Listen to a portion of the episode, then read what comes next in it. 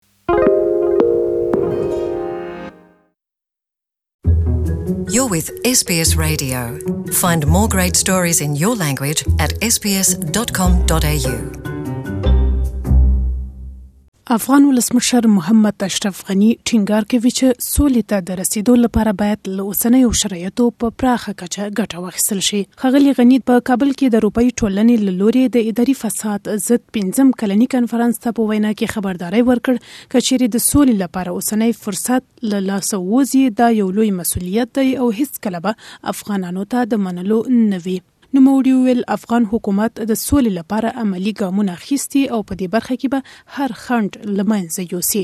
دا وطن سوله غواړي، موږ سوله راولو، دې کې د نه شکې نه شبه. د سولې لاره اوار قیر سرک نه ده، د سولې لارې به که پرک لري، سولې لارې کې به ستونزې یي،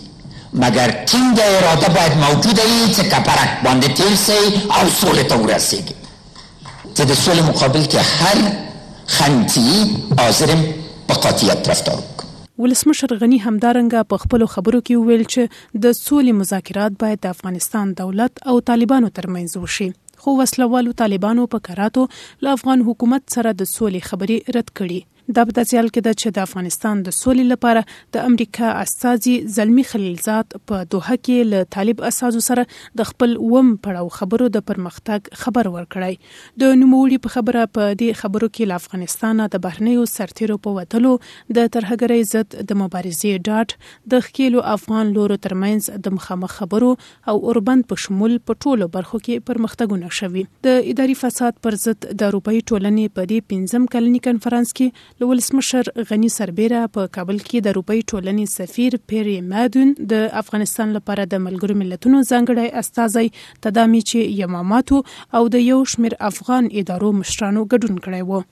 د افغانستان لپاره د اروپايي ټولنې سفیر پیري مایدون وویل چې د جګړې د ختمولو لپاره لومړی باید له فساد سره جدي مبارزه وشي.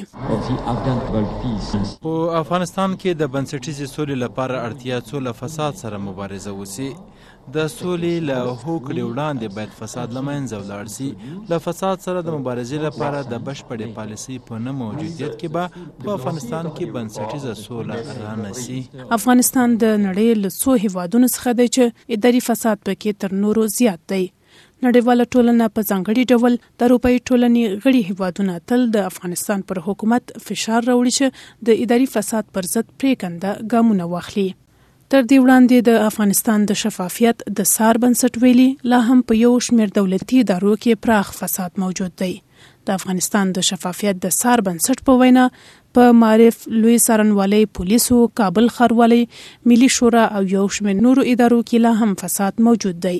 د شفافیت د څار بنسټ رئیس سید اکرام افضلي د فساد د ملي سروې د خپرېدو او اداري فساد پر وړاندې د مبارزې د نړیوالې ورځې په مناسبت وویل چې له فساد سره مبارزه یوازې د حکومت کار نه دی بلکې ټول ارګانونه باید په دې برخه کې همکاري وکړي ښاغلي افضلي دغه شان وویل چې د دوی د سروې له مخې چې له اته زرو نه د زیاتو کسانو سره د هېواد په څلور دېرشو ولایتونو کې په یو سلو څلوېښتو ولسوالیو کې شوې ده، ښيي چې خلک هم په محاکمو، پولیسو، څارنوالۍ، ښاروالۍ او پارلمان کې د فساد له موجودیته شکایت لري. خو افغان ولسمشر محمد اشرف غني بیا د اداري فساد پر وړاندې په جوړه شوې غونډه کې وویل چې په بېلابېلو برخو کې لکه دولتي مقرریو، کانکور، عدلي او قضايي دستګاوو او نورو کې لازم اصلاحات رامنځته شوي دي. دا په داسې حال کې ده چې مخکې تر دې د افغانستان د بیا رغونې لپاره د امریکا سر مفتش ځانګړې ادارې افغان حکومت د فساد پر وړاندې په مبارزه کې پاتې بللی.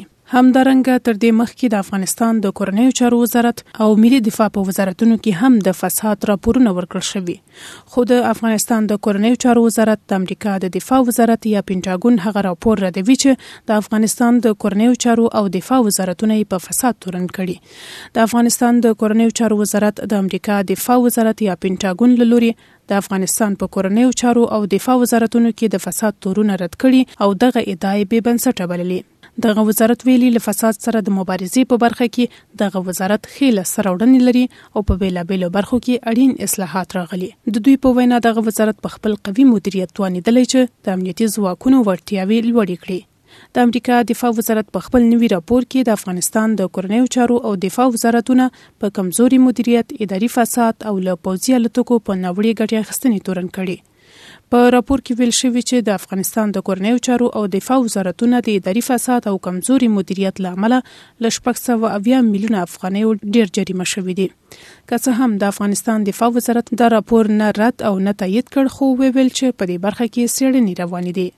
تر دې وړاندې د افغانستان د بیا رغونې د سار امریکایي ادارې یا سیګار ویلي چې د افغانستان د کورنیو چارو او دفاع وزارتونو له لوري د کمزورې څارنې او ارزونې له امله سلګونه میلیونه ډالر چې د ملي اردو او پولیسو د روزنې لپاره ځانګړي شوي وو نتیجه نه ده ورکړې. خو افغان ولسمشر محمد اشرف غني تر دې مخکې په لویو قراردادونو په ځانګړي ډول د امنیتي ځواکونو په قراردادونو او د یو شمېر پوځي چارواکو بندي کول له فساد سره د مبارزې په لاره کې له لاسته راوړنو یاد کړي. له بلې خوا د مشرانو جرګې د امنیتي او دفاعي کمیسیون غړي په حکومتي ادارو کې اداري فساد مني او وایي که څه هم له فساد سره مبارزه روانه ده خو د بشپړې مبارزې لپاره باید قوي مدیریت رامنځته شي. د دوی په وینا، تر کومه چې افغان حکومت له فساد سره مبارزه په خپلو کاري لومړیتوبونو کې شامله نه کړي او په دې برخه کې له سیاسي چلنده لاس وانهخلي، په دغه هېواد کې د فساد له منځه وړل به ناممکنه وي. sbs.com.au